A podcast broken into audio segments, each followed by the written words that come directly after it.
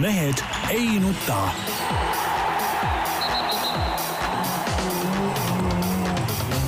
mehed ei nuta.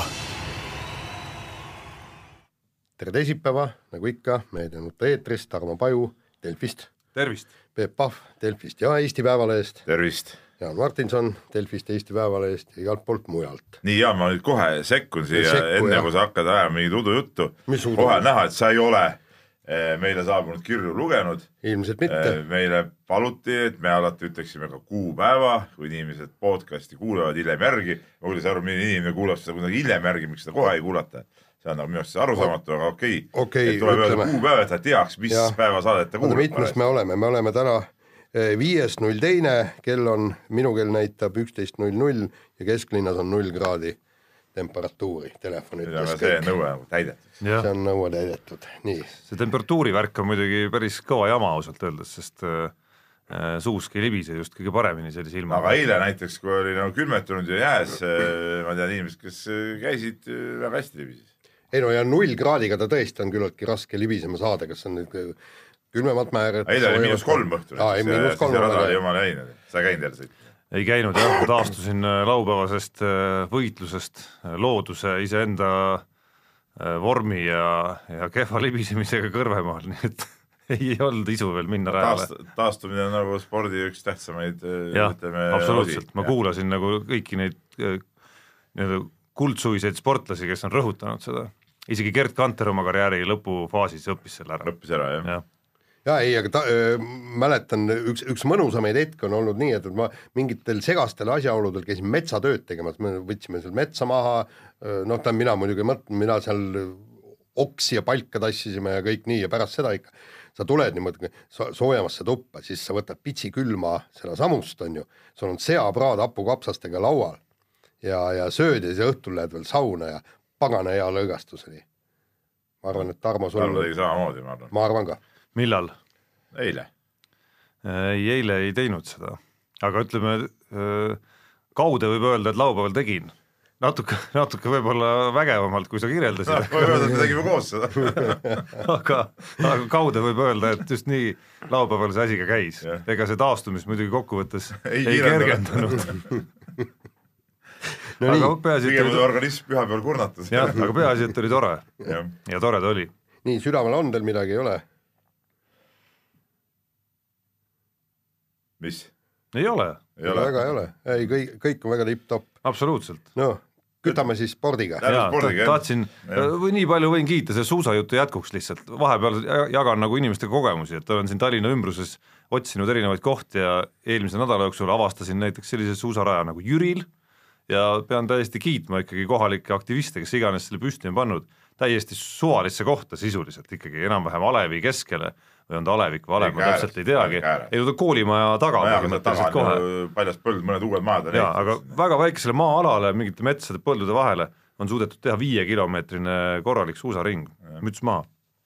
nii, aga räägime nüüd korvpallist ja, ja tehke mulle mehed selgeks, et mis, mis toimub selle Kalev Cramoga, no okei okay,, see, et, et äh, sa-, saadakse Riia VEF-ilt jär, jätkuvalt ja järjepidevalt tappa, see on üks asi, aga, aga teiseks noh, ühel hetkel ma järsku loen, et Kalevi mängija Ivan Almeida järsku mängib Poola liigas, paneb seal kakskümmend, kakskümmend minutit, viskab seal äh, kena kopika punkte, aga nii palju, kui mina vii-, enne seda oli viimane uudis, et, et vend on nagu vigastustega väljas ja ja, ja kõik ootavad, kuni ta terveks saab ja muide, isegi ei see oota, oota, oota, oota, ju segast praegu. nii, no võib-olla jäi, nii, ja teine asi oli see, nagu ma vaatasin, et meil see kuulus tähtede mäng ikkagi, rahvas valib, ei tea, kas ta tuleb nüüd siis Poolast tagasi siia mängima või? ta oli viga, hakkame otsast kõigepealt pihta, eks ole. Almeida oli vigane, oli päris pikalt vigane, siin ei saanud nagu selget sotti ka.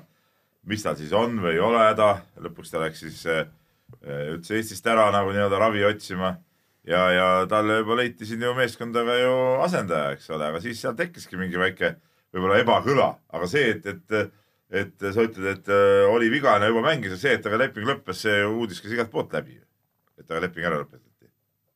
väga, mina küll ei mäleta niisugust. ja ei, absoluutselt see uudis oli ka on olemas, aga aga noh, ilmselgelt mingil hetkel jooksis Almeida ja klubi vahel ikkagi mingisugune must kass läbi ja, ja juba need signaalid, mis hakkasid äh, veel siis, kui Almeida tegelikult ju mängis ja oli, ja oli, oli terve ja, ja ja vahel tegi päris korralikke kontserte, need signaalid, mis tulid ikkagi Kalevi enda leerist, küll niimoodi nagu off the record stiilis rohkem ja mis viitasid sellele, et äh, ei olda rahul seal mehe suhtumiste ja, ja, ja iseloomu ja, ja mis iganes nagu selle valdkonna asjadega, viitasid sellele, et, et sealt hakkas mingisugune noh, võib öelda küll konflikt, ma arvan, ikkagi idanema seal. no ja teine asi tekkis selle vigastusega, kui kui ei saadudki sinna selget sotti, et mis tal siis viga on ja, ja, ja kui palju seal on nagu tõsist vigastust, kui palju seal on niisugust nagu natuke jonni ja, ja mittetahtmist tegutseda ja eks, eks sealt oli, aga noh, selge oli ka see, et kui Kalevil oli juba kuus legionäri olemas, eks ole, et noh, toodi üks mängija veel, Almeida tagasitulek, mis tähendas seda, et oleks olnud juba seitsmes legionär ju tegelikult ju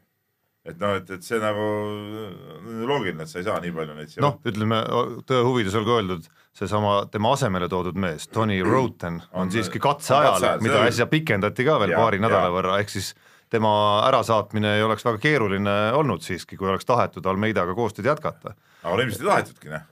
et ja, ja nüüd, kui seda tulla, tulles tagasi nüüd tulemuste ja mängu juurde ja selle Riia VEF-i mängu juurde, juurde konkreetselt, kuigi elu on õpetanud selle saate ajaloos eriti, kuidas ühe, üksikutest mängudest ei maksa veel mingeid nagu tohutult põhjapanevaid järeldusi teha. neli kunagi. tappa saanud. ei, ei võidetud mängudest ega kaotatud mängudest, siis mulle ikkagi tekkis eile see tunne, et äh, ja, ja see ei olnud kusjuures ainult eilne tunne, vaid ka teistes rahvusvahelistes mängudes ja kõvemates mängudes, kus ma seda Tony Rotenit näinud olen, et äh, et mängija kvaliteedi mõttes on Kalev kindlasti nagu, kui sa nüüd paned Almeida ja selle mehe nagu kõrvuti, siis on Kalev ikkagi nagu kaotanud, et see selgelt on Kalevi meeskonna nagu võimekust ja potentsiaali äh, kahandanud, et ei suudetud või ei ole suudetud, mis iganes asjaolud sinna nüüd vigastuste ja tülide näol kaasa aitasid, et seda portsu, mis nagu käes oli, Lewis, Almeida ja kõik ülejäänud, et seda ei suudetud nagu ikkagi kuidagi kokku nagu mängima panna. et tegelikult eile oli täpselt see päev, kus äh, oleks vähemalt ühte seda tüüpi mängijat olnud vaja, kellel oleks hea päev. ja, ja sellist ei olnud. jaa, aga seda, seda eile ei olnud, aga selles suhtes Jaanil on muidugi ka õigus, et ütleme, seda me ei saa võtta nagu nüüd üksikuks mänguks ka päris, et, et VEF-il on tõesti sel lool neli korda kaotatud ja, ja, ja see, see nagu noh, ma isegi nagu ei oska ütelda, millele see viitab, siis no VEF ei ole nagu tasemelt kõvem meeskond kui Kalev tegelikult. no seda näitab ka VTB turniiri tabel. VTB turniiri tabel, aga, aga mingi, mingi jama või ebasobivus seal seal ikkagi sees on ja, ja, ja, ja no ei saa ta, kuigi on ju teada VEF-i tugevused, eks ole, noh, kaugelt panevad ära, seal lauas mängivad hästi. eile tulid ju siia täiesti haavatud äh, koosseisuga. Äh, mitu meest oli puudu, eks ole. aga ikka, ikka needsamad asjad kõik, mis, äh, mis neile edu on toonud, ikka tõid samamoodi edu edasi. et see on nagu, nagu, nagu natuke arusaamatu ja, ja ja noh, ütles ju peatreener Kairis ka pärast mängu, et, et need asjad kõik olid teada, aga ta ei saa aru, et miks, miks ikkagi lasti need asjad niimoodi juhtuda no.. jah, aga üks pool, üks pool ma ütlen, ongi see, et sa lased äh, VEF-il, siis VEF-i rünnakul oma eelised ära kasutada. aga, aga see, mida oleks võinud nagu Kalevi poolt vastu näha ja mida Kalev on tegelikult ju suutnud äh, hooti ka, ka päris tugevate meeskondade vastu näidata, kas või Moskva CSKA vastu, on ikkagi võimekus ise rünnakul ka nendes, ka perioodil, kus Ivan Almeidat pole olnud ja ja seesama Tony Roten pole midagi erilist näidanud, võimekust ikkagi ise rünnakul päris nagu kena mängu näidata, kas vot seda ma ka ei näinud kuskil, vastupidi, ma nägin nendesamade tagameeste esituses siin, nii nagu ka Kairise kriitika oli, sellist nagu väga üksinda punnitamist ja nagu sellist äh, sellist mängu, mis ikkagi vaatamist ja vaatajat frustreeris päris kõvasti ausalt öeldes. et Peep, sa rääkisid siin sellest, kuidas sul omaenda poistega oli eile Tallinna liiga mäng ja millist frustratsiooni sa kogesid seal, ma ütlen ausalt, et et mu suust tuli ka eile kodus ikka päris nagu korralikku sappi välja kogu aeg selle mängu ajal, sellist nagu frustreerunud ja pettunud sappi lihtsalt. nojah, see nii on, aga, võtame selle Routeni, eks ole, et, et siin on küll nimetatud äh, sotsiaalmeedias ka söödumasinaks seda ja ma ei tea, mingis mängus siin panigi kakskümmend kaks söötu vist, kui ma õieti mäletan. aga noh, need on kõik ju eh, tehtud, need numbrid mingite naljavõistkondade vastu, et, et ütleme, tõsine mäng oli ikkagi nüüd ja, ja nüüd ei tulnud kuskil neid sööte niimoodi, nii nagu, nii nagu oleks võinud tulla, et noh. pigem nägi see, seal see, ikkagi sellist eh, ummisjalu korvi alla, pikkade vahele, selg ees, kuskil ja. silmad kinni, mingite siukeste liigutuste nagu tegemist. et see nagu näitab ikkagi selle, selle mehe taseme ka teatud määral nagu ära. No, aga noh, seda saabki nüüd vaadata nagu kahtepidi, ühest küljest Äh, täpselt nii, nagu Jaan viitas, et, äh, et ega see ei ole nagu naljaasi, et, äh, et arvestades, kui tihe võitlus Kalev Cramol seisab seal kaheksanda koha piirimail praegu, siis äh, siis kaotused Riia VEF-ile võivad olla just need, mis saavad Kalevile tegelikult saatuslikuks sellel hooajal.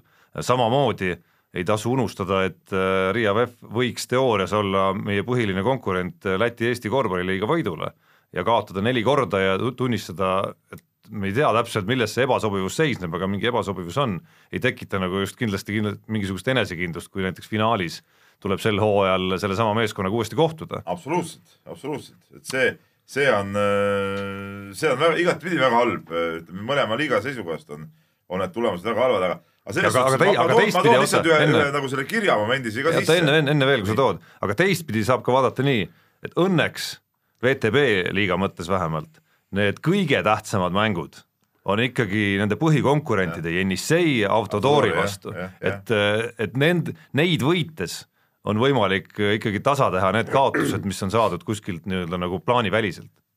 jaa, aga selles suhtes eh, ma toon kohe kirja ka siia sisse, sest et noh, pole mõtet sedasama teemat kaks korda hakata asjadama, et Rasmuse kiri ja, ja ta küsib ka, et, et kuidas on nagu üldse võimalik, et Cramo suudab kaasani Unixiga näiteks viimase sekundini asja põne peal hoida, noh, veel veel võõrsil mäng ka teadupärast, eks ole. aga siis VEF-i käest saad midagi õppimata neli sauna järjest, et, et, et, et noh, see ongi nagu vot see on Kalevi juures on kõige hämmastavam tegelikult, et, et nende tugevate vastu, ma ei tea, kas minnakse nii pingevabalt nagu peale või saada, ja kui pingevabalt peale minnakse, noh siis teadupärast ongi natuke kergem mängida ja siis tuleb mäng nagu paremini välja ka.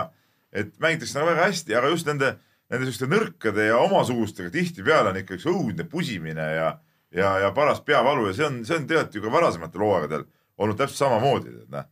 juba enne Kallisu tuleks ka Varraku ajal oli täpselt samad, samad probleemid tegelikult noh kusjuures eks mõnes mõttes ongi ju nagu raske minna nendele mängudele peale, nendele mängudele, mida sa nagu justkui pead võitma, nagu nui neljas. jaa, kui sa oled, sa oled, sa oled profikorvpallur, siis sa ikkagi häälestad ennast nendeks õigeteks mängudeks ju maksimumi peale ära, tead noh, aga aga, aga eilsest sellest sooritusest nagu noh, ilmselt ei olnud seda häälestust. kusjuures mulle ei tundunud, et ei olnud seda häälestust, seda, seda oli näha nagu mängujärgsetes intervjuudes ka, et seal oli ka pigem selline frustratsioon, et, et pagan, me valmistusime nii hoolikalt, nii hirmsasti olime valmis, et me lõpuks, et ei saa nagu lasta korra seda veel juhtuda, aga, aga see ikka nagu juhtus, noh, et seal oli pigem, ma arvan, mingit nagu ülepunnimist ikkagi. kuule, mehed, aitab korvpallist. keda see Eesti korvpall ikka väga huvitab, lase kõlli ja. no huvitab küll tegelikult jaa, selles ongi asi. närvi ajab. närvi ajab ja peale rahvast, rahvast ka ikka oli saalis. absoluutselt, täiesti korralikult oli saalis, noh.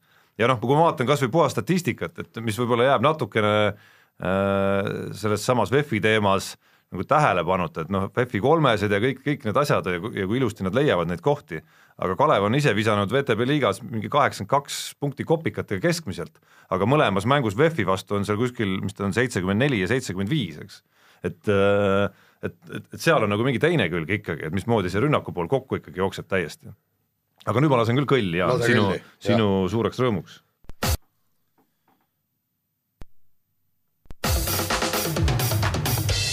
grillimasin ikka õnneks töötab, nii lähme kiire vahemängu juurde ja näpp värises, sõrm värises lihtsalt. just. vastutusest. jah, või, või siis sellest nii-öelda taastumisprotsessist. ei, ma arvan, et see oli suur vastutus ikkagi, mis et kõll ikka tuleks. ja et ikkagi tuleb ja mis juhtub, kui ei tule ja nii, räägime jalgpallist ja räägime kahest mehest, Henri Anier läks jalgpallima Korea esiliigasse ja äsja Eesti koondises debüteerinud Tristan Koskor kes äh, väidetavalt on väravamasin. äh, läks. Äh, Tartu selles Postimehe, jah, Tartu Postimehe pealkirjas oli see. no ta just. oligi väravamasin Eesti liigas. just, aga tema läheb nüüd Ind-, Indoneesia liigasse, kusjuures ma kohe alustuseks ütlen, et äh, kiidan mõlemad üleminekud heaks. noh, põhimõtteliselt Korea, noh, sealt on noh, see ühiskond on niisugune sümpaatne üsna. ei, oota, oota, oota, oota, oota, oota, aga põhiline asi on. ei, ja ma olen muidugi olümpial ka käisin ja väga, väga vinge. väga, väga kummaline koht äh, väga kummaline koht. ei, kummaline küll, aga, aga niisugune sümpaatne. ühiskonnast ma tahan küll nagu rääkida ei julgeks. nii, aga teine asi, mõlemal on köök on väga vinge, ma arvan, et mehed sellepärast läksidki. Koreas seda Korea... koeraliha nagu läksid või? ei no mis vahe selles on, koeraliha või lambaliha või vasikaliha, tähendab, kui ta on väga hästi. sellest käivad pihta ah, mis asi? lambaliha. no Aasia köök ja on siiski suurem asi ei ole. unustage nüüd vennad ära, jumalast hea Aasia köök. absoluutselt, käisime täitsa geniaalne. kas tõesti kodus ei tee ise kimtsit või? ei, ei. mis mõttes? Aasia köök, Jaan, ei ole suurem asi jumal, me, meil oli just ei no viimane Aasia kimchi köögist rääkides võib-olla ainuke hea asi on see Pekingi part, mis on hea siuke rasvane ja mõnus ja siis, ja siis see magusapu, vaata, mis sa siin saad osta hiinakatest, nendest need äh, magusapu kana, see kasted. kuulge, kullamehed, ärge ostke hiinakatest, see ei ole see kõ- kõige parem söök, tehke ikkagi ise ja ma, ise, kes ise. ja ma räägin, et, et tehke ise kimchi tehakse keedukardulat ja, ja, ja, ja sealiha, tead.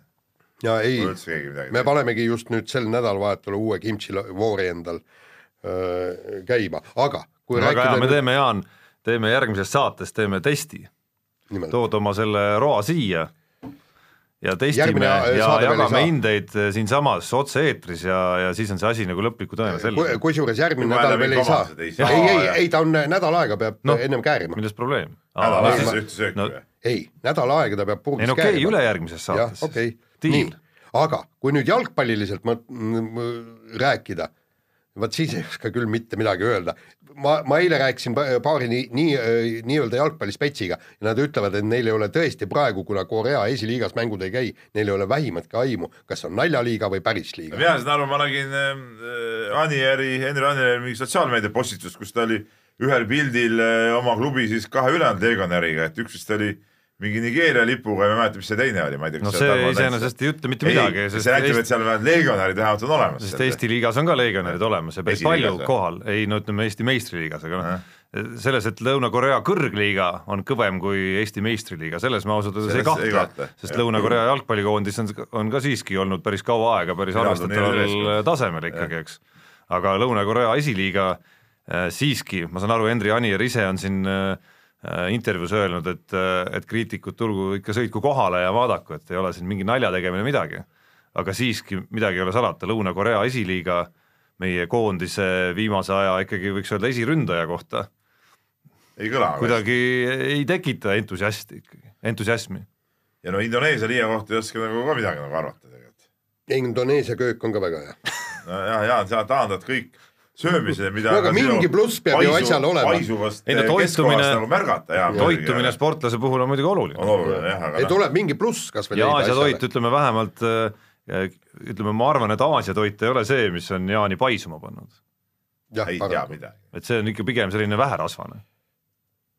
Jaani vähe-, ja Jaani on kodus tehtuna ma ei ole kindel muidugi. no aga Pekingi part ju ujub rasvas ju sisuliselt. ei no ma Peking parti jah, ei tee. see on väga maitsev. On küll, aga ta on tehnoloogiliselt, mul ei ole seda ahju, seda tuleb ju teha ikkagi korralikus kiviahjus ja, seda küll ma räägin, kui sa käid näiteks, näiteks Pekingis ma olen käinud ja eh, mitu korda ja olen seda alati söönud seal, väga hea. ei kindlasti on hea. nii, aga vahetame teemat ja ohohoo, piisas ainult äh, minna poliitikasse. poliitikasse valimistele kandideerima ja me näeme Kristiina Šmigun-Vähi nüüd ikkagi igal pool. üks asi on see, me näeme teda igal pool intervjuusid andmas, kõikjal äh, viimane ajakiri oli kas Tervis pluss äkki või?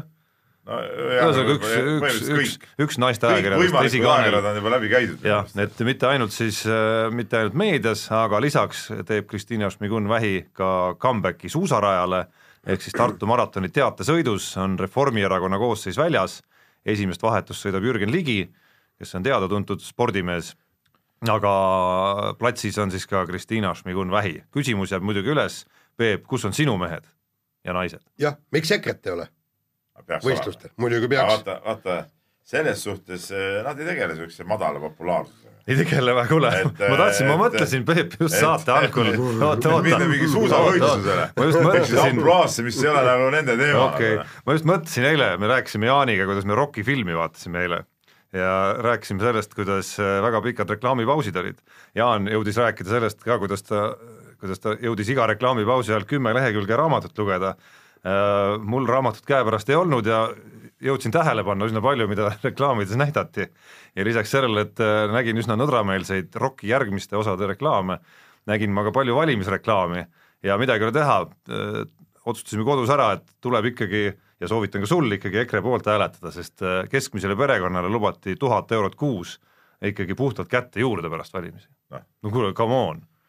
Ja oma nahk on ikka kõige lähem. kusjuures ma olen neid EKRE reklaame olen näinud ja no tahan, muidugi tahan, noh. Aga mida sa jaurad noh siis aeg? ma ei jaura, noh, kõik on otsustatud. ja ei, põhimõtteliselt me see, nägime mida see toimetajat, Parts lubas, mäletad, enne eelmisi valimisi, mille üle me ilkusime seal Prisma või kus kassas ta oli see on ikka poisike selle kõrval. kusjuures me nägime toimetuses neid reklaame ja ma kohe küsisin Peebu käest, et kuule, kas sinu poisil on kuskilt naftat aga leidnud me ei tea, võib-olla on. ja ei tõesti, me tõesti ei tea seda praegu, ega meil ei ole kõik maardlate asukohad kaardistatud. tead, mu kõige äh, siiram südamesoov on see, et EKRE saaks ainuvõimu, viiskümmend üks kohta. ja ja, ja hakkab, hakkab kohe tulema, tähendab, tähendab tõesti, no me saame rikkaks, noh, lõpuks ometi. jah, aga aga ma mis nüüd siis räägime nüüd ikkagi äh, Kristiina oot- suusasõitust kuule. see oli nagu teema ju, oota. see oli nagu teemana välja käidud. Peep, ma arvan, et, et sa jällegi mingisugune vandenõuteooria on sinu poolt, et, et tu- tuleb poliitika pärast suusatamist, ei, ta lihtsalt tahtis, mõtles, et läheb, teeb teatesõidu, hakkas näpuga järge vedama, vaatab, tohoh, näed, reformikad ka ja siin. kusjuures ma ka üks päev, tõsiselt kusjuures vaatasin äh, see liigume.ee vist või?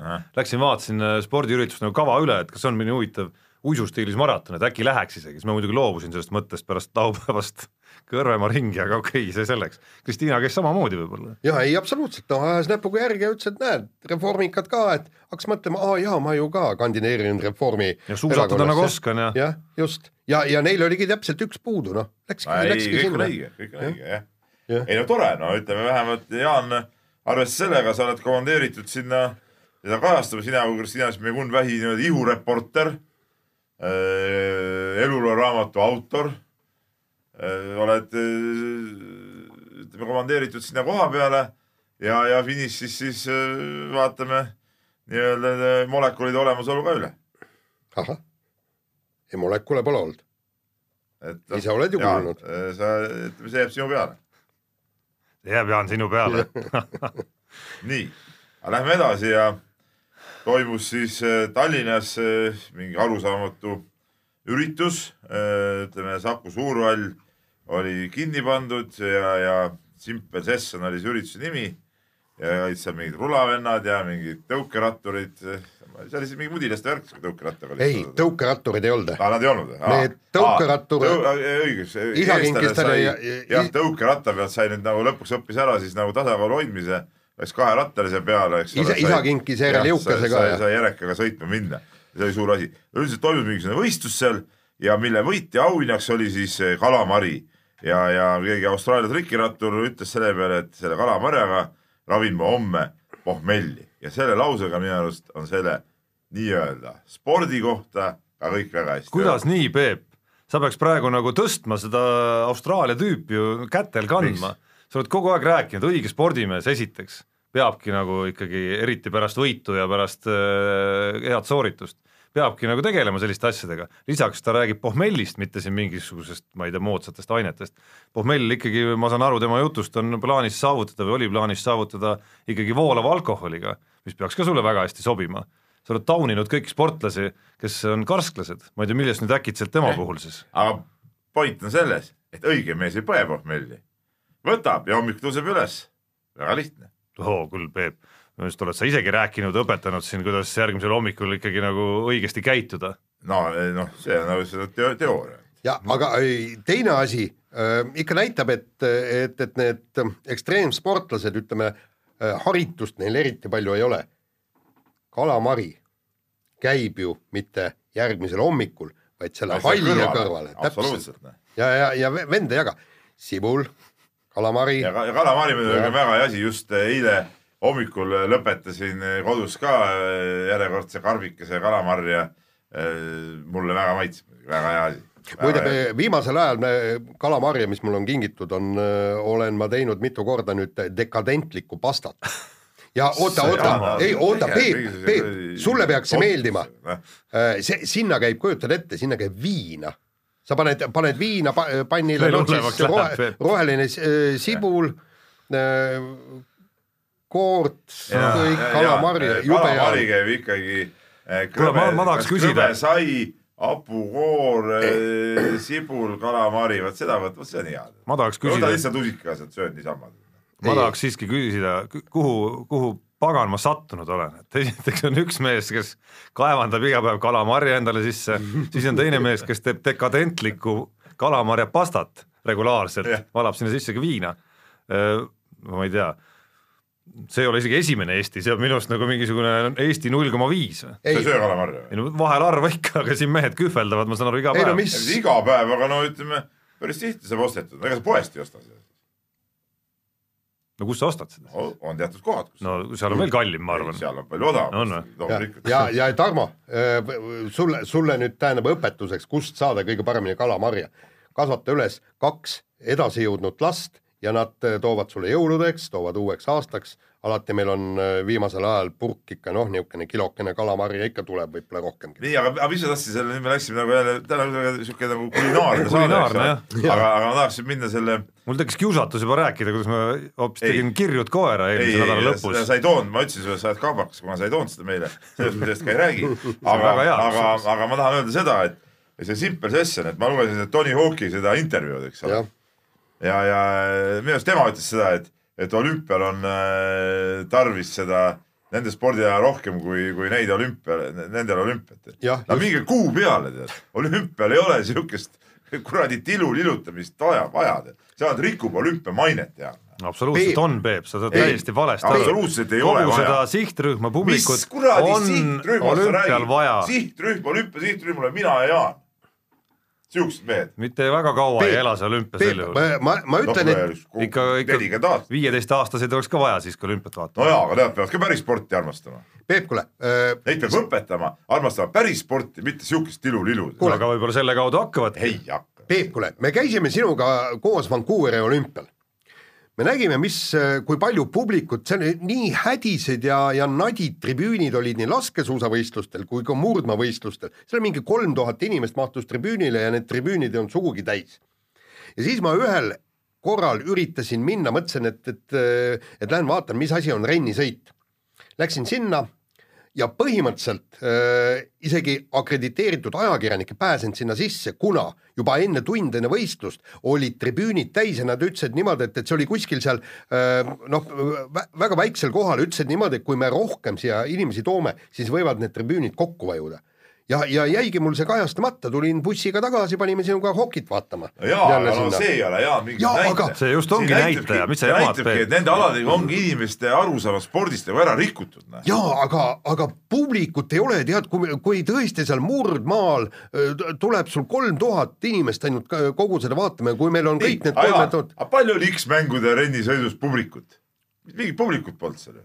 No X-mängud ei ole ka ehitatud äh, kohapealse publiku jaoks, vaid tele, telepubliku see jaoks, on puhas tele, no, televõistlus. olümpia on ka muidugi, aga noh, ma ei oska öelda, kui palju seal oli, igal juhul vähemalt õhtuti ja meestesõitu öö, rennisõidus vaatab seal küll öö, terve üldiselt igatahes minu arust tuleks ikka hoida olümpiat sellistest aladest võimalikult puhtana, võimalikult puhtana.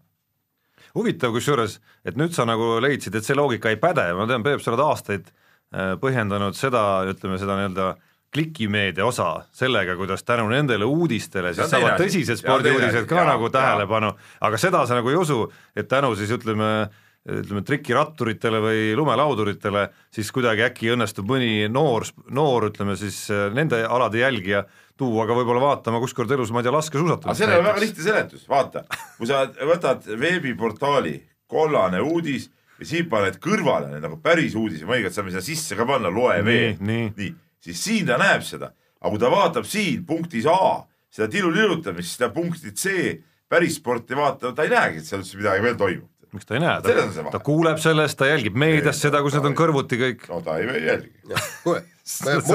argumendid on sul muidugi väga heal tasemel täna. kuule, aga samas jälle äh, Torino olümpial sattusin bussis äh, kokku pärast laskesuusavõistlust ühe Ameerika ajakirjanikuga ja, ja vend ütles, et noh, et saadeti sinna, et mine vaata, mis see olümpia, noh, kirjelda midagi. Ja siis ütles, et läks laskesuusatamist vaatama, ütles mitte muhvigi ei saa aru.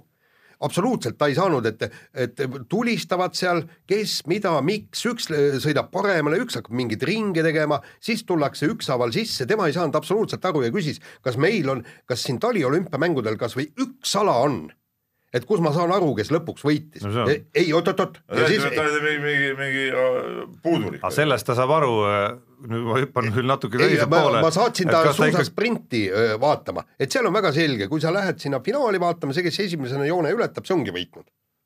kas äh, vigursuusatamise hüpetes saab ta aru no ilmselt ei saa, igast detailist seal? ei, miks keegi saab üheksakümmend kaks koma seitse või Ei, keegi ei, saab ma tahtsin- kaheksakümmend neli ma koma viis? tahtsin- ei pädenud üldse praegu. ei, ma, ma lihtsalt tahtsin öelda, et, et kuidas eh, niisugused spordikauged inimesed, nad, nad ei jõua selle murdmaa ega laskesuusatamine, nad ei saa sellest lihtsalt aru. nii, võtame järgmise teema. see on lihtne teema nüüd. jätkame, ei ole lihtne.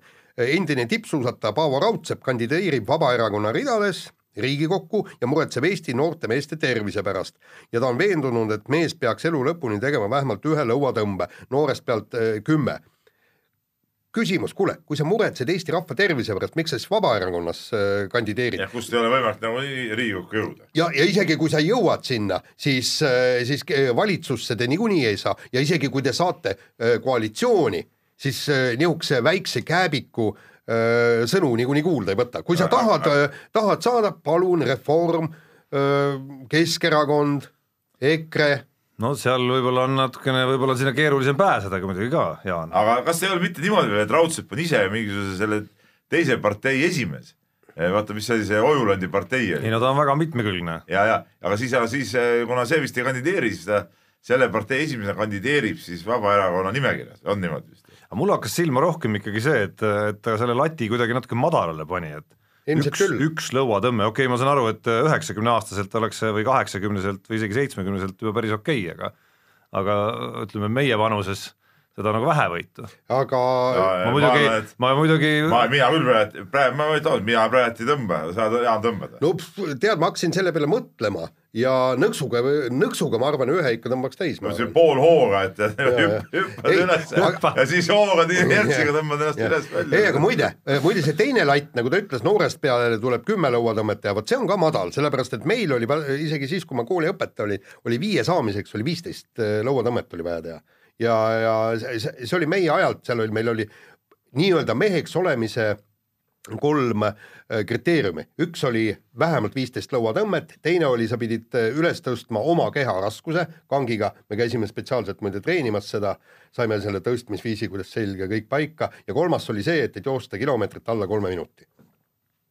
See oli noh, nagu meie nii-öelda kolme sisepõld. minuti, siukseid mehi on päris vähe, kes jooksevad ei kilomeetrit. tea, no see no omal ikka ajal, päris vähe oli, kui Päris ma, vähe kui ma oli meenutan oma meie. klassi kasvõi, mis oli põhikoolis ei väga sportlik tegelikult, päriselt ka sportlik Jah. ja isegi võitsime Harjumaa mingitel võistlustel erinevaid medaleid, siis alla kolme minuti jooksjaid tuhandes meetris. kahtlen, ei no keskkoolis ikka ku- kogu aeg joosti alla kolme. kogu aeg, ah jaa, ole nüüd mõistlik. No. Mis Ma see mingi keskmaa jooksjate eriklass oli teil või? ei, miks, kolm minutit, see ei ole ju, nojah Ma ei- ma ei oska. muidugi Jaanik, kes kõnnib äh, muidugi kilomeetrit pooleteist minutiga, muidugi tema jaoks muidugi ma, ma just le- leidsin mingisuguse diplomi, ma olin vist äh, kuskil pioneerilaagris, no see oli kaksteist, kolmteist, seal ma jooksin vist oli kolm null neli, eks ju. jah, ei no aga siis ma olin veel poisike no pärast seda, aga, aga minu meelest oli see normaalne, aga no see selleks, nii. nii, aga kiire vahemängu lõpetuseks äh, langetame pea meie seast lahkunud Mati Nüganeni mälestuseks.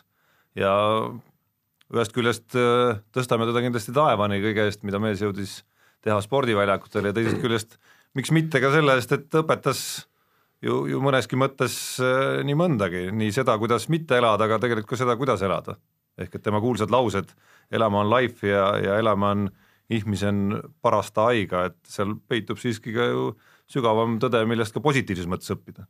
nojah, aga tegelikult Nüganen no, on, on see kõik pärast, mis seal olid, et äh, vaata erinevalt Jaanist, kes eile, kui me nagu rääkisime, oli, oli Nüganeni suhteliselt nagu negatiivselt nagu suhtuv, siis minu jaoks ikkagi põhiline on ikkagi see tema need sportlikud saavutused, see, mis inimene peale sportlaskarjääri teeb või ei tee, on ta joodik või, või laulja või minu pärast kasvõi strippar, et seal ei ole nagu mingit vahet, tähtis on ikkagi see hetk, kui ta on pakkunud need emotsioonid, need medalid, värgid, eks ole, ja, ja ütleme tol ajal, kaheksakümnendate keskel, eks ole, ma arvan ka enamus Eesti spordisõpru ikkagi talle kaasa elas, mina mäletan seda aega küll niimoodi, et et, et kui seal olid Jens Vaisloviga, Vaisloviga need suured duellid, et noh, siis keegi, keegi sakslase poolt küll ei olnud, et kõik olid ikkagi, ikkagi Nügase poolt ja, ja, ja, ja, ja ta oli ikkagi nagu siinkandis ka ikkagi, ikkagi suur iidol, et see on nagu ikka põhiline tegelikult.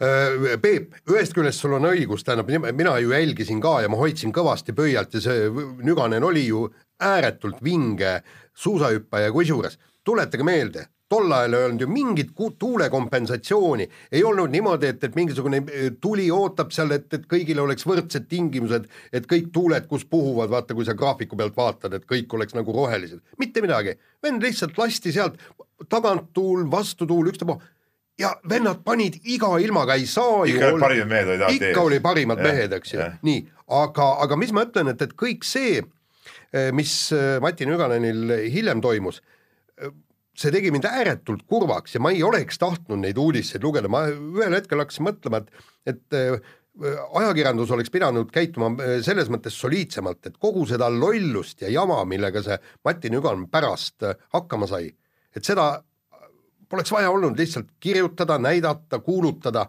ja, ja jube kurb on lugeda, kui sinu kunagine iidol on strippar, noh, on kurb lugeda, kui ta pussitab mingit tüüpi ja, ja, ja läheb äh, selle peale vangi või siis peksab naist, noh. Need ei ole äh, need asjad, mida me tahaksime oma olümpiavõitjatelt ja sangaritelt näha. sa mõtle, pane nüüd ei, äh, ma olen nõus, muidugi jah, me ei aga- taha, aga see ei pisenda tema neid saavutusi. ei kindlasti mitte jah, aga, aga need nii nagu Jaan kirjutas minu arust tänases lehes ka, et need olid ikkagi kaks elu ja nendest mõnes mõttes tulebki nagu eraldi rääkida. sest võtame selle kas või An- Andrus Värniku, ütleme niimoodi, et, et teda ei ole ikkagi õnneks eksponeeritud niivõrd palju, aga no ega ta ei no muidugi ta ei ole siiski ka ta ei ole sel tasemel noh, ütleme tal on mõned eksessid muidugi olnud, mis on temagi ju kohtupinki tegelikult viinud, aga ei no Eesti mõistes ongi Värnik osas- ja Nüganen Soome ütleme konteksti üle viidud, ongi sisuliselt sarnased case'id. no ütleme, mis, mis, mis on erinev nende puhul ikkagi on see, et Mati Nüganen ikkagi on isegi arvatud, et ta, et ta nagu siis hakkaski kompenseerima seda tähelepanu vajadust, ta tundis, et ta ikkagi peab nagu olema tähelepanu keskpunktis siis nagu teistsuguste asjadega.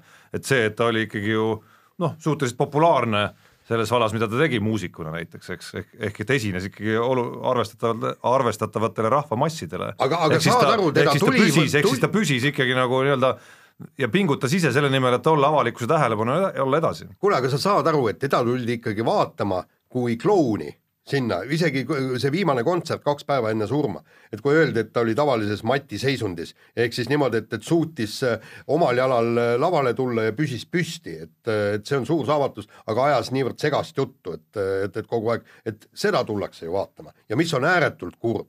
no mis jah, et ilmselt kui ta oleks, kui ta oleks leidnud endas jõu mingil hetkel teha see krõks ära, tunnistada, et nii, mul on probleem ja nüüd tänase päevaga on lõpp alkoholil ja, ja kõigel sellel, noh siis oleks ta ilmselt äh, sellesama krõksuga ilmselt lõpetanud ka selle, selle nagu meelelahutamise poole lihtsalt ära. ja ei, absoluutselt jah, ja aga vaata, see ongi see kummaline, et kui kirjeldatakse, et ta oli öö, sportides, oli, oli, tegi trenni ja töötas selle nimel meeleheitlikult, et olla, olla parim, eks.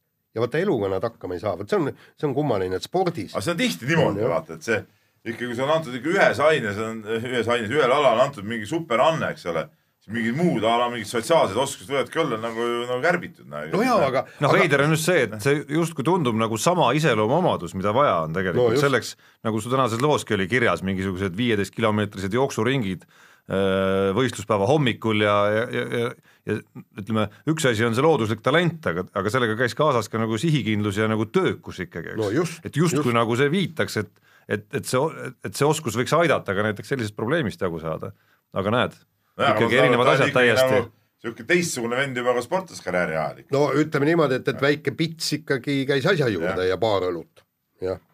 aga no Tegelikult ütleme nüüd sportlasena suur, suur inimene kindlasti. nii, oota küll. Peep, kirjad. kirjade rubriik. osa, osa kirju me siin juba Kalev F-i teemal tead nagu lappasime, lappasime läbi ja Peeter Piho on meile kirjutanud ka siin eh, Mati Nügase eh, teemadel, ta siin tegi küll ettepaneku veel ka, et, et, et, et noh, vaikushetke pidada ja räägib siin, kui, kui suur spordimees ta ikkagi oli ja kuidas tema tähendust hakatakse alles nüüd võib-olla aru saama ja ta kirjutas ka oma Facebooki eh, lehele seal pika, pika järelhüüde ja noh, ütleme, need on läbi käidud asjad, aga, aga võtame siin korraks eh, ralli teema veel kord üles. ja, ja, ja Jaan veel Monte Carlo niimoodi jälgedes eh, on meil sihuke kiri, et, et kuulates eh, ühte raadiokanalit, siis jäi kõrva seal lause, mida Sebastian Ogier oli öelnud pärast ühe, ühe katse lõppu. Ja see erines tunduvalt peavoolu sedastatavatest seisukohtadest. et ähm, äh, peavoolus jäetakse siis selline mulje nagu kõikides äh, hädades oleks süüdi Toyota ja nende tarnijad, mitte sõitjad ise, et siin on Tommy Mäkini lause, et noh, jutt käib siis Ott Tänaku sellest rehvi lõhkumisest ja, ja, ja Chris Meeki, et Ott Tänak pidigi lõikama, et kui ta poleks lõiganud, oleks rattad sattunud sodisele asfaldile, siis see Mikko Niinemäe, siin ralliekspert, endine sõitja ka ütles, et kui kurve ei lõika, siis oled väga aeglane. ja, ja siis Tommy Mäkinen siin rääkis nendest tugevat rehv, velgedest ja rehvidest ja asjadest. aga, aga nüüd äh, küsimus sellele, Jaan sulle, et kas Ossier ütles pärast selle kiiruskatse lõppu, kui Tänak rehvi lõhkus, et tema ei läinud kurve lõikama, sest ta ei taha riskida sellega, et rehv puruneb. noh, kus nüüd see tõde siis on, kas peab lõikama, Jaan? mis sa arvad? nojah, tegelikult ma oleks tahtnud, tahtnud seda Ogier sõitu nüüd näha, et selle, selle kü- küsimuse peale, et, et kuivõrd ja kui palju ta nüüd lõikas, aga äh, mis päev see oli, mitmendane see Ogier sinna rajale läks, ta vist läks tagantpoolt ikkagi, eks. sest esi-, esimesel päeval ta sõitis esimesena ja vot siis temal ei ole ju probleemi, tal ei ole. ja kahel esimesel päeval, sellepärast et siis temal ju ei ole mingisugust probleemi, asfalt ei ole soline, asfaltile toovadki just kurve ei lõika, oled väga aeglane, Mikko Niinemäe lause. noh. no ma nüüd ei oska, jah, seda peab ikkagi Ott Tänak nagu ise ütlema. Ja teine asi on ka need sõidustiilid ja, ja ühel on ja teisel mitte, aga nii palju, kui mina ikkagi vaatan, ikkagi lõigatakse kurve, kõik lõikavad. Ilmselt võib-olla, võib-olla Ožeer lihtsalt teab paremini, kus tasub lõigata, kus ei tasu lõigata, seal nendes kohalikes olus, kuna, kuna tegemist on ta koduradadega, ta lihtsalt neid teid eh, teab nagu ilmselt nagu peast tegelikult, no seal ei ole nagu ja teab ka seda, kus on nagu ohtlikumad kohad erinevalt, erinevalt teistest. aga võib-olla selles suhtes ma olen, olen kirjasaatega nagu nõus, et võib-olla tõepoolest natuke, natuke liiga palju keskendutakse selle siukse noh, nagu, nagu kõrvaliste põhjuste peale. no põhimõtteliselt ta ei ole ikkagi kõrvaline põhjus, kui sul ikkagi just see rehvi purunemine ja velje purunemine koos sellega võtab ikka võimaluse võidelda esikoha pärast ja kui sa vaatad siinsamas kõrval, et äh, Citroenil ehk siis Esa-Pekka Lappil äh, vedrustus saab kannatada äh, täpselt samasugusel äh, noh, lõikamisel. aga, aga nii velk kui ka rehv jäävad terveks või siis tekib ikkagi mingeid küsimusi. nii, aga lähme teise kirja juurde, millest me saame tegelikult pärast minna kohe otse edasi ka, ka meie äh, kolmanda osa juurde, jutt käib siis suusatamise Eesti meistrivõistlustest, eks ole. et see teema äh, tuleb siin ka, aga, aga Pets meile kirjutab ja, ja ma just võtan selle, selle kirja nii-öelda nagu selle teise osa.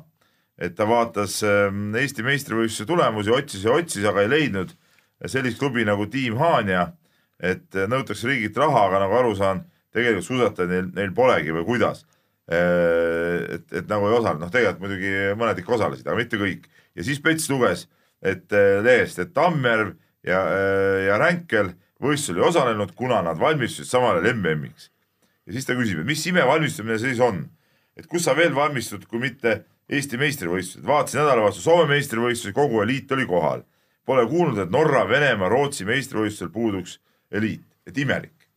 ei, see on imelik, see tegelikult on äh, imelik jah, ja toimusid kusjuures öö, no see, kuule meistrivõistlused toimub kõikides riikides alati ju ühel ajal, enam-vähem ühel ajal seoses eh, maailmakarika kalendriga, eks ole. just täpselt Jah. ja., ja soomlastel oli kõik kohal, norralastel Therese Joau, kõik paugutasid ja. seal kõik niimoodi, aga, aga vaata, neil ei ole nagu probleemi, sellepärast et nad on kogu aeg nagu väga heas vormis, mm tulemas, nad teavad kõik, mida teha, kuidas valmistuda. aga ilmselt meil on ikkagi äh, Tammjärvel ja Raido Ränkelil on äh, seoses terviseprobleemidega kõikidega, et äh, nende seisund ei ole kindlasti praegu hea ja, ja ju nad siis leidsid, et on põhjus minna mäestikulaagrisse, noh suurt pilti silmas pidades, ütleme niimoodi, kui nad teevad väga head sõidud MM-il, on õige otsus, kui nad MM-il äh, väga häid sõite ei tee, siis vale otsus. siin on muidugi ilmselt see küsimus ka, et nendes suurtes suusariikides eh, sa paratamatult peadki ilmselt eh, osalema riigi meis- meistrivõistlusel ka, sest et see on nagu ilmselt nagu koondise jaoks ka üks eh, üks äh, katsevõistlusi. no see on üks asi, teine asi on see, et, et sa tahad ju oma reklaame näidata publikule, prestiiži küsimus. Et olla. Norra meister on, on ikkagi või Venemaa meister või Soome meister on, on äh, päris kõva asi, ütleme. Eesti meistriks äh, tulek ilmselt ei ole, nii nagu sa Jaan nüüd juhatad sisse järgmise teema ja me saame nagu teada, miks. jah, noh, tähendab, ütleme niimoodi, et laskesuusatajad võistlesid ikkagi Eesti vabatehnika sprindi tšempionaadil äh, täiesti suurepäraselt ja võtsi-, võitsid äh, säravamad medalid, nemad võitsid ühe kulla ja kaks hõbedat ja kusjuures nii-öelda päris suusatajad siis paraku ühe kulla ja kaks pronksi. et, et Regina Oja et võistkondlikus arvestuses laskesuusakoondis võitis. Just ja, ja, ja jällegi seal äh, Marielle Marli Pulles ei startinud, kuna tema oli õpingutega seotud, sellepärast öeldi, et oota, ma ütlen, ma ütlen ühe asja, ühe asja ma ütlen vahele. see kuradi õpingute jura, see hakkab natuke üle viskama, see Eesti suusatajad jälle. küll Ränkelil on kool, küll Tammjärvel on kool, küll on vaja siin ja seal. kuule, kui te teete tippsporti, siis tehke tippsporti. seda kooli asja te jõuate teha hiljem ja see kool ei jookse mitte kuhugi eest ära, aga tippspordi aastad sulavad näppude vahel ära lihtsalt ja ongi kõik. no just, ja midagi ei juhtu. Ma olen- kuidas Kristina Smigun äh, vähi sai äh, peale karjääri lõppu teha oma ülikooli asjad ära? väga hästi sai ju. no sai ja absoluutselt. saab, aga mees, ma ei saa siin võistelda, ma ei saa sinna laagrisse minna, tead. no- hakake tõsiselt seda asja ei no on ka palju näiteid, kes suudavad karjääri kõrvalt seda No jaa, aga mitte nii, et sa ei osale võistlustel. ja niimoodi, et nad osalevad Jah. võistlustel ikkagi ja kui juba ei osalenud, siis ma ei näe ühtegi, ühtegi põhjust, miks imestada, et Regina Oja ja Tuuli Toomingas olid eesotsas. täiesti elementaarne ja loogiline isegi. natuke rohkem paneb imestama, et Rene Sahkna, kes äh, noh, ütleme nüüd nagu suusakiiruse mõttes on isegi nagu meeste, meeste la- tipplaskesuusatamises noh, isegi võib-olla tak-, tagapool vahel kui, kui Toomingas näiteks naiste seas, et tema isegi oli ka sellest. aga see näitab nende kohal olnud äh, meessuusatajat ikka täielikku. ja seal ju. koondislasi oli ikkagi. no, nõrkust. ütleme, seal oli väga mitu, kas kolm või neli MM-ili sõitvat meest jättis selja taha, kolm, kolm meest jättis. et Marko Kilp oli vist ainus, kes jagu sai. jah, absoluutselt jah, ja, ja, ja tegelikult ma tahaks teada, kui parimad laskesuusatajad kõik, kõik tuleksid äh, äh, starti. et äh, mis siis saaks, kuidas siis vahekorrad paigas oleks, vot järgmine aasta on viisteist äh, vaba see distants, vot siis ma tahaks küll, et Eesti laskesuusakoondis täi- tuleks täies koosseisus Täis. sinna peale Ja- ja suusatajad ka. naistest ei ole seal mingit varianti, naistest võtavad ju. No meestest Karel Tammjärvel- kõik võidud ära no meestest Karel Tammjärvelt ootaks siiski nagu murdmaameeste au kaitsmist. kuule, aga, aga nägid, mis, mis toimus, mis, mis oli Viru maratonil või? nelikümmend kaks kilomeetrit, kui Kauri Kõiv, no teie teate võib-olla paremini kes ei ole mingi geniaalne suusamees. ei, absoluutselt, ja ta paneb kahe minutiga, paneb väiksele veerpalule ja Algo Kärbile ka ära, kahe minutiga. kahe ta- minutiga, taktikavärk, noh. mõtlesid, et kustub ära mees võib-olla ei kustunud, võitis. kahe minutiga. ja kusjuures Kauri Kõi pani nüüd ära ju selle öö, Tammsalu Neeruti maratoni pani ka kinni, aga seal noh, meil no, suusastaare ei olnud seal maratonil, staare, Jaan, meil ei olegi, kohalikud staarid. isegi kohalikke staare ei ole. nii, staare kui selliseid pole üldse. aga vahetame teemat, nädalavahetuse üks suuremaid äh, spordisündmusi kahtlemata, mida jälgida, oli rahvusvaheline mitmevõistlus, mis toimus Tallinnas juba traditsiooniliselt ja, ja selle peatähelepanu võttis siis endale Janek Õiglane, kes pärast eelmist hooaega, mis läks tal täielikult vigastuse nahka, tuli tagasi areenile, püstitas äh, seitsmevõistluses oma isikliku tippmargi, tagas ka pääsme sise-EM-ile ja, ja ütleme ma ma ja, ja, sekkun, ja need teoreetiliselt ta ei ole veel taganud. no ilmselt väga suure tõenäosusega. ikkagi ja, ja, ja mis võib-olla peamisem isegi andis märku, et, et tundub, et mees ongi tagasi ikkagi ja, ja loodetavasti tõesti ka päriselt paranenud. ja, ja mitte lihtsalt tagasi, vaid ikkagi mees suutis äh, päris mitmel alal, tähendab enamikel aladel, kuigi need isiklikke uuendused ei olnud võib-olla noh, arvestades, et tema seitsmevõistluse varasem tippmark oli üsna vana juba ja üsna kesine, kesine, just, et siis võib-olla see natuke ei olnud objektiivne, aga, aga seal oli ka alasid, mis annavad aimdust kindlasti sellest, et see, et see areng võiks kanduda ka suvel kümnevõistlusesse. ja aga ütleme see kuus tuhat, mis ta oli, Kaheksakümmend viis. jah, ütleme punkti, noh, see on eh, tegelikult see on nagu okei tulemus, see on, see on väga-väga vägev tulemus. teisalt see nüüd ei, ei ole selline tulemus, mis eeldaks eh, kohe mingit, ma ei tea, kaheksa tuhat viitsadat punkti kümnevõistluses, eks ole. no me et, just, et, et meil on, meil on tegelikult neid kaheksa tuhande ühesaja ligi teinud kümnevõistlejaid nii-öelda siukse nagu tavatasemel mehi on ju varemgi olnud, siin Andres Rajad, Kaseorud, Nazarovid, kõik on need, need on kõik siuksed kaheksa tuhande kahe-kolmesaja punkti just, aga sa pead arvestama, et Janek Õiglane selles tal on õues muidugi just oda ja odav ise jaa, näiteks jaa, tuleb muidugi, kohe jah. nagu mängu, eks, et tema potentsiaal selgelt, kui, kui sa mõtled, et tema kümnevõistluse mark on kaheksa tuhat kolmsada seitsekümmend üks ja ta uuendas näiteks teivashüppe isiklikku marki jah, siis siis noh, see on see potentsiaal, mis kandub väga ilusti ju sellele kaheksakümnenda kolmesaja seitsmekümne ühe sellele margile ja graafikule ikkagi nagu kujuteldavalt juurde. ja Tarmo, aga, aga me eile, eile just rääkisime, vaidlesime natuke või noh, arutasime toimetuses seda, et ikkagi seitsme võistluse tulemused, tulemused hakkavad ikka kuue, kuue tuhande kolmesajast pihta. noh, seda näitab ka tema koht ju Eesti kõigeagade tabelis, et kus näiteks Andres Rajagi on tast ees. ja ei, seda ma ütlesin, no just loetasid nimed üle, kes kes on seal, kes on sellel tasemel või isegi natuke paremini teinud, aga see muidugi ei vähenda mitte mingil juhul tema seda saavutust, et, et võistlus oli vägev ja võistlus pani kaasa elama kahjuks, ma ise ei saanud ka saali seekord minna, küll ma aga rippusin nii-öelda eh, tulemuste küljes eh, üle telefoni kogu aeg ja vaatasin ja elasin kaasa ja ja, ja, ja noh, et mitme võistlus on ikka mitme võistlus, see kuidagi nagu ikkagi läheb nagu korda jaa, aga samas, samas jälle kurb on see, et, et Karl-Robert Saluri käkerdas ära et, et kuute tuhandet punkti täis ei saanud ja alla kuue tuhande, see pole ikka see. see ei ole ikka see, see. ja, ja kusjuures teivashüppes jäi tal natuke puudu ja, ja, ja teine asi oli ikkagi see, et, et ta ei suutnud äh, joosta tuhandet. noh, enda Aga- kohta, ta küll võitis selle Enda jooksu, ma juhin no tähelepanu. tervikuna jälle ei no tervikuna peale öelda ikkagi see meie mitmevõistluse tase on ikkagi päris kõva tõesti, et, et, et suvel on jälle oodata ikkagi vähe- vähemalt siukest kolme meest, kes, kes võiksid nagu MM-ile minna. No ütleme, kui Janek Õiglase tervis peab vastu, siis äh, kõik märgid, siis oli see nagu ilmekas tõestus sellest, et äh,, et me võiks suvel vähemalt kah-, kaheksat tuhandet neljasadat punkti oodata temalt ja. muidugi jah, Äh, mis pärast vigastusaastat noh, oleks nagu täielik jackpot minu arust. jah, kui, kui see, ma ütlen isegi kui ta kor suudaks korrata oma senist marki, oleks see juba täielik jackpot ja, ja tõeline tagasitulek.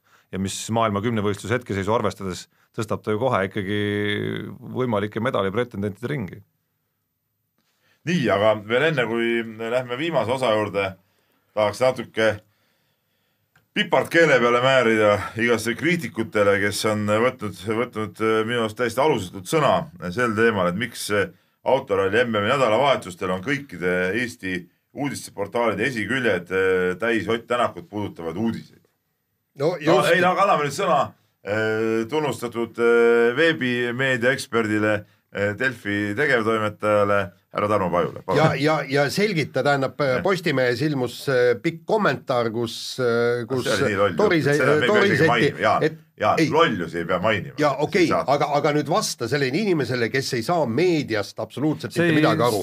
küsimus ei ole ju selles ühes kommentaaris üldse, et äh, me võime Peep ju ausalt rääkida pärast iga ralli nädalavahetust äh, esmaspäeva hommikul tööle tulles äh, enamikel juhtudel käib ka meie toimetuse hommikuselt koosolekult läbi väike arutelu, et kas seda rallit ikkagi seal ees nagu liiga palju ei olnud ja kuidas teised äh, uudised selle kõrval ikkagi teenimatult jäävad varju. et see ei ole absoluutselt mingi saladus, isegi Eesti Ekspress oma selles, mis, mis ta nimi on selles rubriigis, mainis sellesama asja nagu ära, aga ma usun, et ma suudan hoolimata sellest, et ma olen ütleme, spo-, nii-öelda spo-, tugeva sporditaustaga, suudan üsna objektiivselt neid asju vaadata ja on olnud olukordi küll, kus ma olen Delfi tegevtoimetajana mingeid spordiasju tegelikult nagu, nagu natuke välja puksinud isegi, et need asjad oleks rohkem tasakaalus seal, aga ralli puhul seda pole meile julgenud varem tunnistada. aga ralli puhul ma pean äh, tunnistama, et, et mul ei teki nagu sellist kiusatust, sest midagi ei ole teha. Eest-, eest-, eestlasi on haaranud selline rallihullus ja need numbrid, mida, mida siis ütleme, saavad osaks nendele samadele uudistele ja blogidele, need on tegelikult nagu väga erakordsed, see, see sõna otseses mõttes erakordsed. see, see on lihtsalt, lihtsalt niimoodi on. seltsimees veebiasjandused, me oleme valmis kuulama tunde ja tunde, kas te jätkate veel? Polegi rohkem midagi lisada tegelikult, et, et midagi ei ole teha, see läheb inimestele, inimestele väga korda lihtsalt. nii on. ja lase kõlli. lase kõlli selle peale ja võtame viimase teema ja räägime spordiametnikest, kes ei aja oma asju nii, nagu peaks ja tegelikult keeravad sportlastele sõna osa, otseses mõttes käkki. ja Peep kirjutas siin läinud nädalal suurepärase loo, kuidas Eesti Uisuliit jättis Saskia Alusalu ja Vehklemisliit jättis vehklejad ehk siis Euroopa meistriks kroonitud Katrina Leise ja, ja siis ka medali võitnud Nikolai Novosjolovi riiklike preemiate kandidaatide ni- nimestikust välja. kusjuures hämmastav asi, kaks Eesti parimat naissportlast ehk siis Alusalu ja Lehis ei saa preemiat, mis mis on täiesti erakordne. Nad kindlasti saanuks selle preemia, kui nad oleks seal nimistus, aga lihtsalt ametnikud neid nimekirja ei pannud. sellega on Jaan nüüd selline asi, et kui Gunnar Kuura, uisuliidu peasekretär oleks teadnud, sellest tuleb nii suur probleem, et see oleks võinud ta esitada ka. ja kusjuures me räägime üheksa tuhandest kuuesajast eurost, mis on nii Alusalule kui ka teistele sportlastele hädavajalikud. eluliselt vajalik ei no. aga ta on ju saanud ju niigi suurt tähelepanu ja ega ta ju Gerd Kanteri tasemel ta ikkagi ei ole. ja no ole, siin on võitud teised medaleid, et no sinna on veel pikk maa minna, eks ole. tõsiselt rääkides on ikkagi arusaamatu, kuidas on võimalik, et, et ühte Eesti alaliitu juhib veel selliste tõekspidamistega inimene. vabandust, aga, aga nii see on ja kuidas ta ja kuidas tänaseni, ma ei ole kuulnud vähemalt meedia vahendusel, et, et kuskil uisuliidu sees mingitki jõud üritaks, üritaks seda asja nüüd kuidagi nagu üles võtta ja, ja mingisugust paleepööret tekitada Ei, või, vaata, või midagigi teha, ma saan aru, seal, seal alaliidus on see üsna lootusetu tegelikult. ja no seal on äh, asi väga lihtne, eks ole. Aga see on absurdne. ala,. alaliit koosneb, eks ole, klubidest, milledest enamus on ilusutamise klubid ja on siis vist kolm kiiruisutamisklubi. ja see on selge see, et äh, äh, nii-öelda jäme ots on ju ilusutajate käes. Ma saan ja, sellest. ja, ja, ja ütleme, neid see ju probleem praegu ei puuduta. tegelikult puudutab küll, absoluutselt puudutab, et äh, kui ma oleks ka iluuisuklubi ja ma loeksin sellist juttu, siis ma mõtleksin, et okei okay,, see inimene, kes juhib meid, ei ole siiski, ei ole siiski adekvaatne meid juhtima. sest täna võib see olla Saskia Alusalu, kelle kohta ta arvab, et, et see ei ole nagu noh, et ta on juba saanud üht-teist, A, ta on juba piisavalt saanud võib-olla ja et oh, ta ei ole ju tegelikult nagu Gerd Kanteri tasemel et äh, selle alaliidu juht peaks olema viimane inimene üldse maakera peal, kes ütleb midagi sellist, et ta tegelikult ei olegi midagi oma, erilist. oma sportlase kohta. ja, ja jah, just, ja ühel hetkel võib see, ma kõik need ilu- iluuisuklubide esindajad, kes te kuulate praegu, ühel hetkel võib see puudutada mõnda teie iluuisutajat täpselt samamoodi. ja, ja, ja samas ka teine küsimus on ju see, et, et kui me äh, Alusalule preemiaga anname sellise summa, siis äh, tema olukord ja seisund ja kõik läheb paremaks, lõppkokkuvõttes see ju parandab ka kogu seda äh, uisuliidu finantssüsteemi ja kõik, tegelikult teoorias praegu peaks selle kümme tuhat uisuliidu taskust ju tulema. minu arust veel tegelikult kogu selle asja, selle usulisus toimunu veel, veel totram näide oli minu arust selle noortetreeneri äh, temaatika, eks ole, et, et oli võimalik taotleda siis ISU-st ehk Rahvusvahelisest Alaliidust äh, teatud toetust, mis oleks katnud äh, noortekoondise laagrite kulu, seal oli ka mingi kümme tuhat eurot, eks ole. aga uisuliit leidis, et kuna ühe projekti jaoks on juba toetust küsitud, siis ei ole mõtet seda teist üldse esitada, et, et, et nagunii ei saa no Noh. just, noh, ja, ja siis Kutt esitas äh, selle ise ära, ilma uisuliidu allkirjata ja siis sellepärast ei saamata, samas ööl tuli tagasiside rahvusvahelisest alaliidust, et see oli kõige parem programm, et oleks uisuliidu allkiri peal, oleks saanud selle raha ka. vot, vot see on nagu, vot, vot see on minu jaoks nagu isegi natuke veel arusaamatum. just, ja tulles nüüd tagasi veel selle nagu, sa peaks ju proovima nagu seda raha saada eh, igalt poolt, no ei anta, siis ei anta, kas sul on raske seda taotlust siis saata või noh, et nagunii ei, ei rahuldata, see on ju mõttetu, mõttetu ütleme põhjendus ju noh. ja ma võtsin vahepeal lahti iluuisu, Eesti Uisuliidu liikmete nimekirja, kus on siis kolmkümmend neli klubi. Äh, pean vabandama, et enamik klubide nimed ei ütle mulle suurt midagi ja, ja ma ei tea, kes need inimesed täpselt seal taga on, aga ettearvatult on siin loomulikult üks klubi, mis on näiteks Anna Levandiga seotud, keda on au noh, mingil määral tunda ja elus ka kokku olla puutunud, et äh, näiteks kui Anna Levandi-sugune inimene ei võta praegu seda mingil kujul uisuliidu sees üles, olen ma väga pettunud. päriselt. täpselt. jah, ja, ja, ja sama pettunud tuleb olla ka Vehklemisliidu suhtes, et, et lihtsalt praegu Katrina see oli Leis tööõnnetus ju. No seal vähemalt seal vähemalt inimene tunnistab, et, et äh, midagi läks valesti. ja vähemalt, vähemalt. Selles suhtes jah, ma ütleme, nii palju oli, oli äh, härra Hansonis nagu ikkagi nagu aumeest, tõesti, ta vaikis pikalt seal, kui ma selle kõne tegin ja siis ta lõpus tunnistas, et jah, et see oli nagu tööõnnetus, et oleks pidanud tegelikult kõik esitama, tegelikult ütleme, meil oli ka EM-i hõbedanaine ja pronksi naine ja ja noh, tegelikult oleks pidanud nad kõik esitama, noh. Just. arvestades saab, saab, ei saa, ei saa, eks ju, just nii, esitati lõpuks ainult siis äh, treener äh, Helen Nelis Naukas, noh.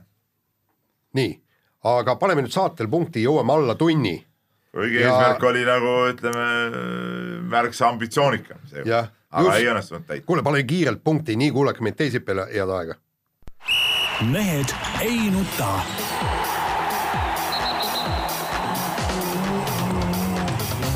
mehed ei nuta